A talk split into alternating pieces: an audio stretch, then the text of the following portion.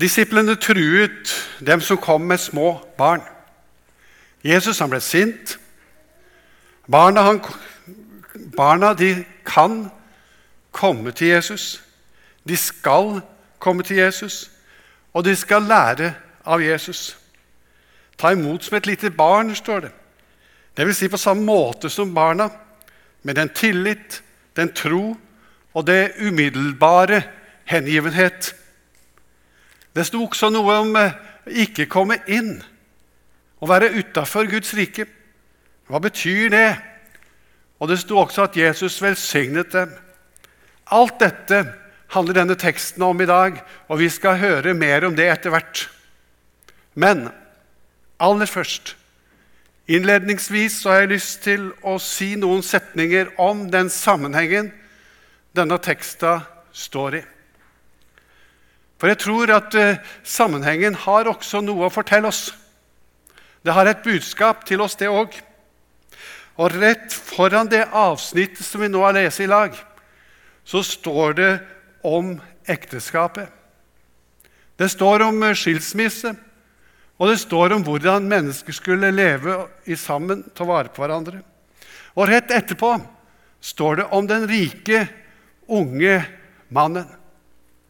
Så vi kunne altså finne i dette kapitlet stoff som handler om familien, om ekteskap, om barn, og om hvordan en skal leve som ungdom. Begge tekstene har det med seg at det kan sette noen tanker i sving hos oss.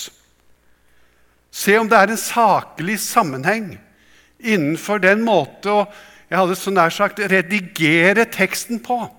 Er det en logisk sammenheng mellom disse tingene? Det har, tror jeg Det er ikke tilfeldig at det står på denne måten. For når ekteskapene ryker, når egoismen rår, eller når det er mammon som får være herre i vårt liv, da går det oftest utover barna. Da er det barna som, som lider. Hvis jeg bare ble opptatt av karriere, penger, makt og glemmer de omkring meg, min familie, da har jeg gjort noe fundamentalt feil. Eller når ekteskapet ryker, så, så, så, så, er det ofte at barna lider. Mammon kan føre til at vi får det så travelt at barna forsømmes. Og når ekteskapene ikke fungerer, så blir rammen om den trygge barndommen ødelagt. I denne teksten i dag så lærer vi litt om prioritering. En prioritering Jesus vil at vi skal foreta oss. Vi skal sette barna opp, høyt opp. Vi skal prioritere barna når det gjelder ekteskap og skilsmisse. Og vi skal prioritere barna når det gjelder økonomi. Og ikke minst lærer denne teksten oss at i gudstjenesten så skal også barna prioriteres. For de kom til Jesus der han underviste med barna, og så, og så vil de skyve barna unna. Men så sier Jesus han ble rett og slett arg. Han ble harm. Han ble sint og sier at 'dette godtar jeg ikke'. Barna skal være i gudstjenesten. Barna har altså et åndelig behov. Og det åndelige behovet må vi ta på alvor. Derfor driver vi søndagsskole. Derfor har vi tilsatt Martha som familiearbeider her i misjonssalen.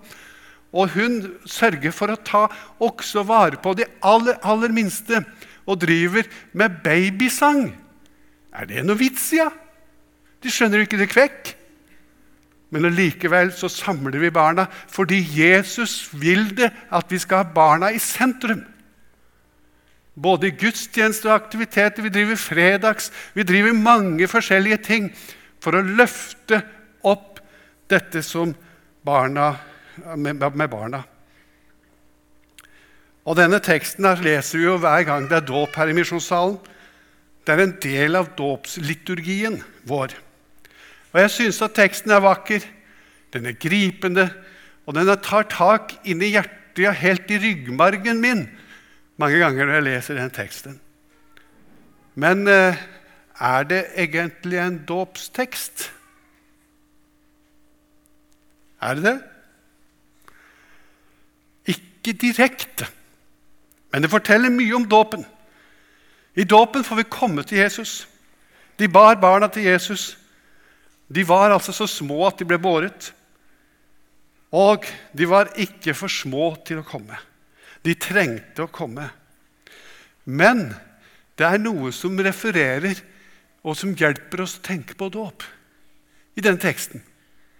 Og når, når Philip eh, møtte den etiopiske hoffmannen som satt og leste profeten Jesaja, som vi hører med apostlenes gjerninger, så ser vi en ting. Vi ser at denne etiopiske hoffmannen spør Philip er det noe til hinder for at jeg kan bli døpt. Og her står det nettopp ordet 'hinder'. Hindre dem ikke, for Guds rike hører slike til. Dette gir oss frimodighet til å bære små barn fram til dåp. For vi vil ikke hindre dem i å komme til Jesus. Det er derfor vi bruker denne teksten. Den legitimerer barnedåpen for oss. Vel, dette var litt om de ytre rammer. Og selv om det er noen lærepunkt her, så handler dette dypest sett ikke verken om dåp eller barn. Selv om det er det vi har snakket om til nå. Det handler simpelthen om Guds rike og om ditt og mitt forhold til Guds rike. Om vi er en del av dette riket eller ikke. Det er spørsmålet i denne teksten. I vår tanke, i vår kultur og vår tradisjon kanskje også, så har vi nærmest med oss en arv som vi kan få til oss til å tro at vi er sentrum i tilværelsen. Guds rike er jo sjølsagt for oss. Det er vårt. Ingen blir utelukket der. Det er jo til for oss, forstås. Og selvfølgelig er vi en del av dette riket. Og eh, Guds rike, på en måte Det får være glad, dette riket, om de får ha oss, om vi vil være der får ha oss med i dette riket. Om du får meg, ja, da skal de som er i Guds rike, bare fryde seg. Jeg står og velger på en måte fritt. En slik holdning viser ganske alvorlige avvik i, ting, i forhold til det som Bibelen sier. Det står i denne teksten 'Den som ikke tar imot Guds rike som et lite barn skal slettes ikke komme inn i det. Oi. Det var veldig fælt. Det er altså noen som ikke skal komme inn i Guds rike. Det er jo det teksten sier. Og når vi står her og preker, og når vi lever som kristne, så er vi forpliktet på tekstene i Bibelen. Vi kan ikke si det annerledes. Det er dette som gjelder. Og da er det det sentrale spørsmålet for deg og meg i dag. Er du en del av dette riket? Har du tatt imot Guds rike? Det betyr er du et Guds barn? Og Vi skal stille oss det spørsmålet er jeg det. Det vekkende spørsmålet må vi tid om annen stille oss Lever jeg rett med Gud? Eller er jeg bare en som har blitt med i, en måte, i en slags bevegelse? En tradisjon? Har jeg livsforbindelsen med Gud i orden? Det er et viktig spørsmål i dag. Lever du med Jesus? Eller har det sløvnet helt inn? tørket inn ditt gudsforhold, er du en del av dette riket. Er ikke det likegyldig da, og hva vi tenker om en slik spørsmål? Det har vel ikke så mye å si hvordan jeg har det med Gud, om jeg lever med Gud eller ikke. Jo, dette spørsmålet er viktig. Hvis Bibelen taler sant, og hvis denne teksten er sann, for da er det et innenfor og et utenfor. Og hvis Bibelen snakker sant, så finnes det en fortapelse. Eller skal vi tenke slik at det er jo bare myter og eldgammel overtro? Vi vil nå helst tenke slik. Og i mange henseende så lever vi òg som om det er det. Men hvis du mener at Bibelen er troverdig, så ser vi at det er så alvorlig at det finnes to utganger av dette livet. At det går an å være utenfor eller innenfor Guds rike. Dette er et alvorlig tema. Og det er ikke så enkelt å hevde dette i dag. For i dag så hevdes det på en måte og tenkes det som om alle er jo innafor. Og det er ikke så farlig hva du tenker og tror. Du er jo innafor. Du er en del av Guds rike. Bibelen tar opp dette temaet flere ganger.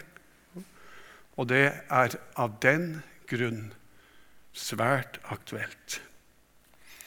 Det var noe av dette også Nikodemus eh, funderte så fælt over. Vi ser om det i Johannes 3. Og Han tenkte uten å bli født på ny så kan du ikke komme inn i Guds rike, sier, sier, sier Jesus. Og så sier han, 'Hvordan kan jeg, da, som en gammel mann, bli født på nytt?'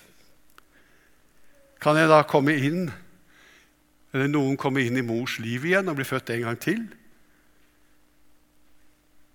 Og da sier Jesus, 'Uten at du blir født av vann og ånd, kan du ikke komme inn i Guds rike.' Det som er født av kjøtt, er kjøtt. Men det som er født av Ånden, er ånd.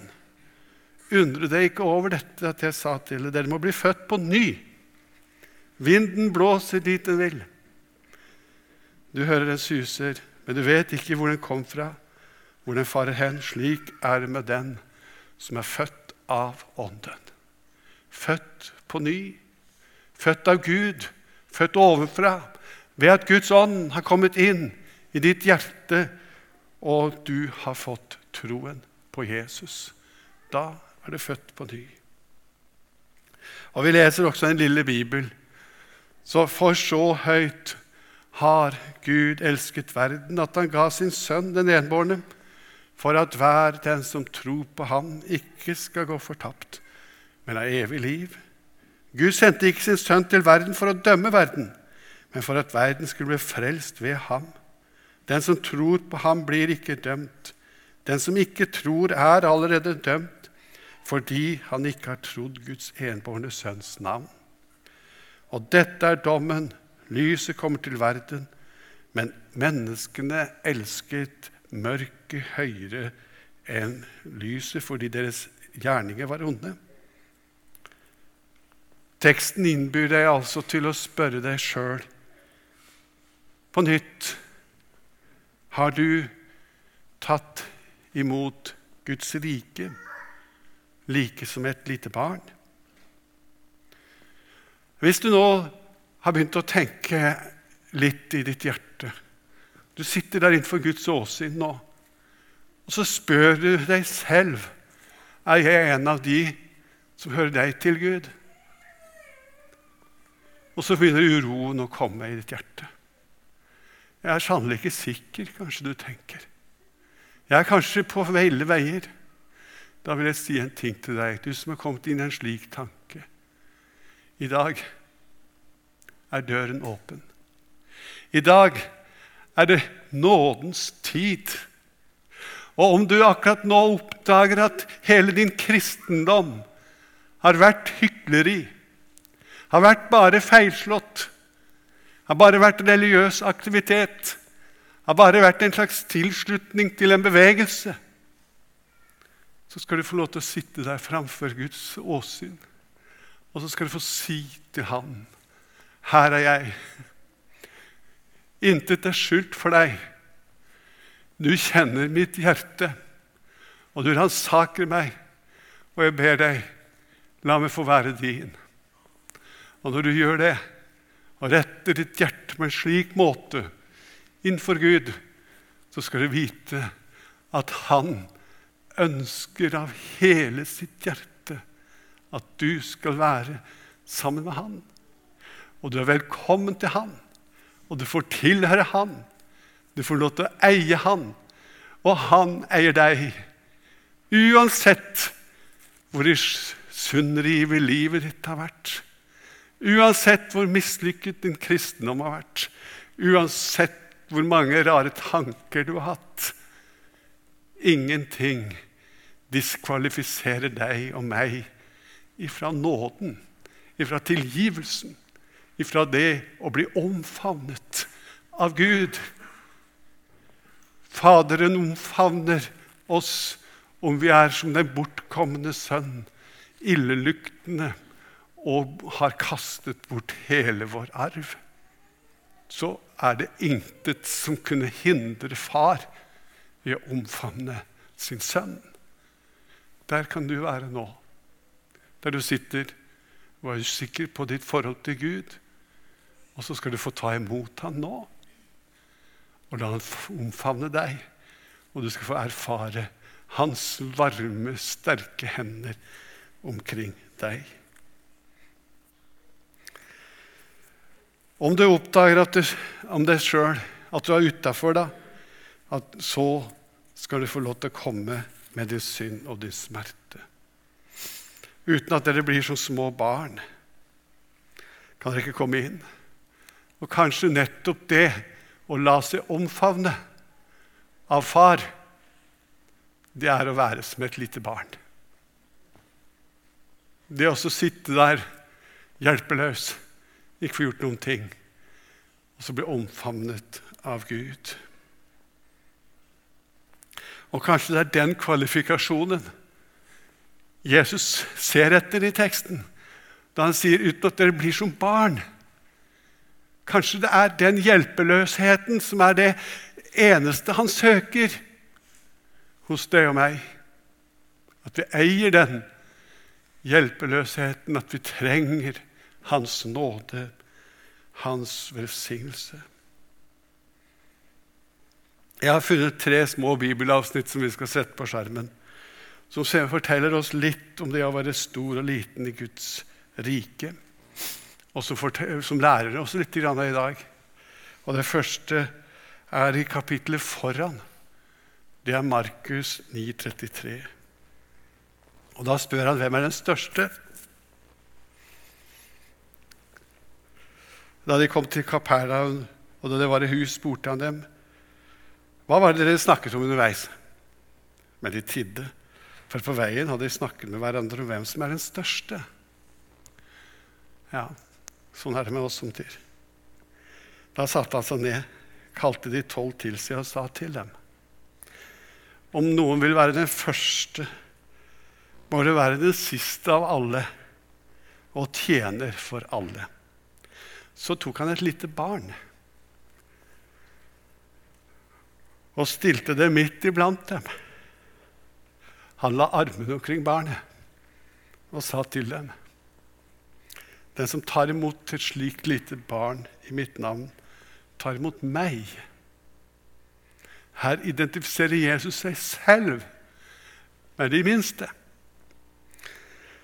Og den som ikke tar imot, den som tar imot meg, tar ikke imot meg, men ham som har sendt meg. Det er flott. Se.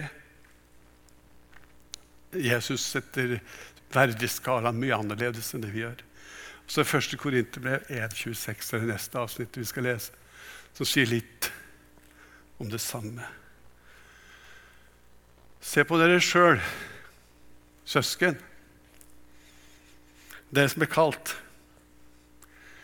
Ikke mange vise etter menneskelig mål, og ikke mange med makt eller av fornem slekt. Men det som i verdens øyne er dårskap, det utvalgte Gud for å gjøre de vise til skamme. Og det som i verdens øyne er svakt, det utvalgte Gud for å gjøre de sterke til skamme.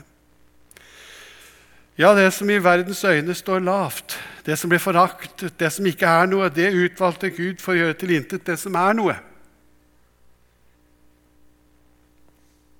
For at ingen mennesker skal ha noe å være stolt av overfor Gud.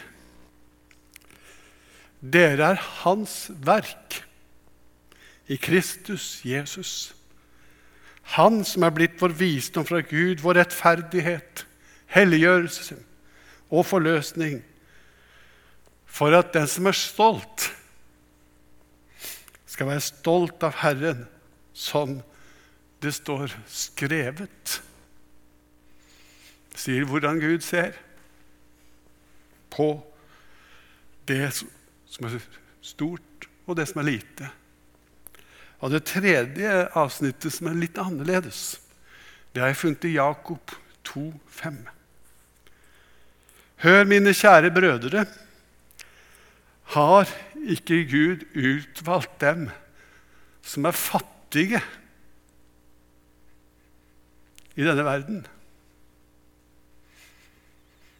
til å være rik i troen og til å arve og arvinger til det rike han har lovt de som elsker ham? Det er Bibelen som sier dette.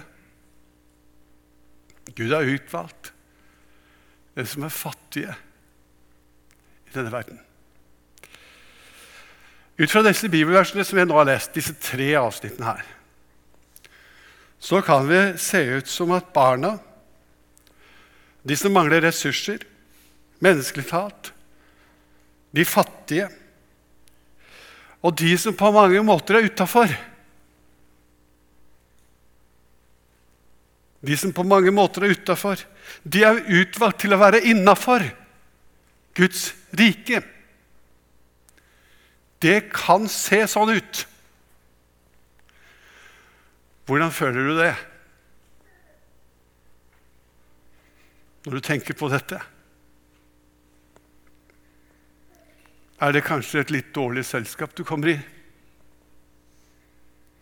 Eller kjenner du på at du passer inn. David han fødte det slik. En sang ved festreisen av David. Herre, mitt hjerte er ikke hovmodig. Mine øyne er ikke stolte.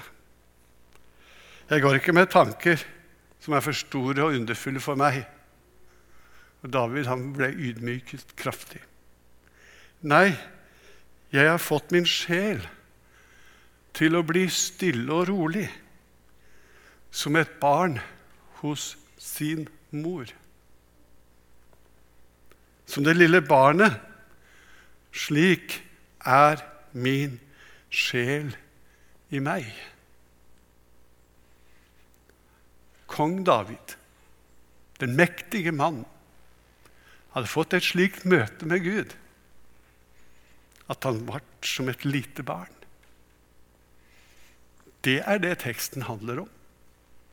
Uten at dere blir som et lite barn, skal dere ikke komme inn i Guds rike. Det er et fantastisk ord. Det var en 80-åring. 80 år. Og når han er 80 år, så er det noen som begynner å tape litt på hukommelsen. Noen gjør det ikke før de er 100. Vi håper at vi blir blant de. Vi er bare 65 og allerede begynt å tape litt. Men han var i samtale med sin 45 år gamle, høyt utdannede sønn. Så sa gamle far Hva er det som sitter utafor vinduet der? Sønnen så ut. Det er en kråke, sa han. Så gikk det en stund, var stille mellom dem. Så sa far en gang til. Hva er det som sitter utafor vinduet der? Og sønnen ble litt mer Husker du ikke at jeg sa det var ei kråke? Så gikk det enda ei stund, så han akkurat det samme. Når fjerde gangen var Han gjorde det for fjerde gangen, så så han Irritert så sa sønnen, 'Jeg har jo sagt det tre ganger før, er det kråke.' Da reiste den gamle seg opp og stabla bort i ei bokhylle og drog ut ei gammel dagbok og bladde 42 år tilbake i boken. Og så leste han om et møte med sin sønn på tre år. Og de satt i stua, og denne lille gutten 'Pappa, hva er det utafor vinduet der?' 'Jo, det er en kråke, gutten min.' Og da tok han rundt han, den gutten. 24 ganger, sto det, spurte han pappaen den dagen. Og hver gang dette leste han opp, tok far rundt denne lille gutten på tre år. Jeg syns det er litt å lære av den historien.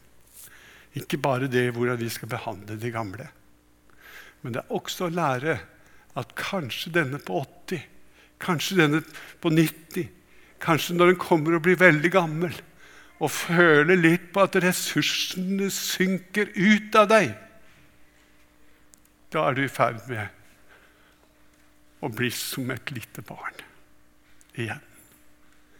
Og husk da, når du merker det, at du er ikke langt unna Guds rike.